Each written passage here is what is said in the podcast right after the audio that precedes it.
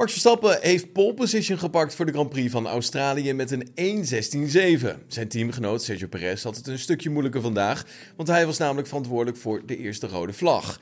Hij kende al een dramatische derde vrije training en tijdens de kwalificatie kwam hij in de ginbak terecht. Hij start deze zondag achteraan de grid. Het is een verschrikkelijke dag. Echt heel moeilijk. We hadden deze problemen al in de derde vrije training en dan ook nog eens in de kwalificatie.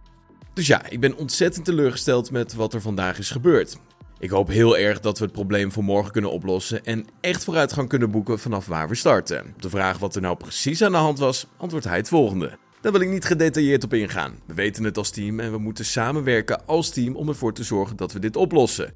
Mentaal doet dit veel pijn, maar morgen is een nieuwe dag met nieuwe kansen. Ik denk dat we het probleem kunnen oplossen en van daaruit kunnen racen. Zo laat hij weten tegenover Viaplay. Na de kwalificatie bleek zijn teamgenoot, Max Verstappen dus, een stuk positiever terug eh, over zijn runs, ondanks dat het tot nu toe toch best wel lastig weekend was. De laatste ronde was goed. Het hele weekend is het lastig geweest om de banden in het juiste venster en op de juiste temperatuur te krijgen om meteen te kunnen pushen. Het kwam allemaal goed in Q3. Ik ben erg blij met de ronde en pole position. Ik kijk nu al uit naar morgen. En over de betrouwbaarheid, ondanks wederom problemen met het schakelen, maakt Verstappen zich geen zorgen. Nee, normaal gesproken niet. Ik denk dat we altijd proberen om de auto te verbeteren en dat blijven we doen. Het team van Mercedes wist ook flink op te klimmen dit weekend. Russell en Hamilton maakten namelijk de top 3 compleet. Russell was eigenlijk wel een beetje teleurgesteld, want hij laat na de kwalificatie weten dat hij het toch wel jammer vond dat hij Pol niet wist te pakken. Maar ondanks dat kon hij zijn glimlach toch niet verbergen.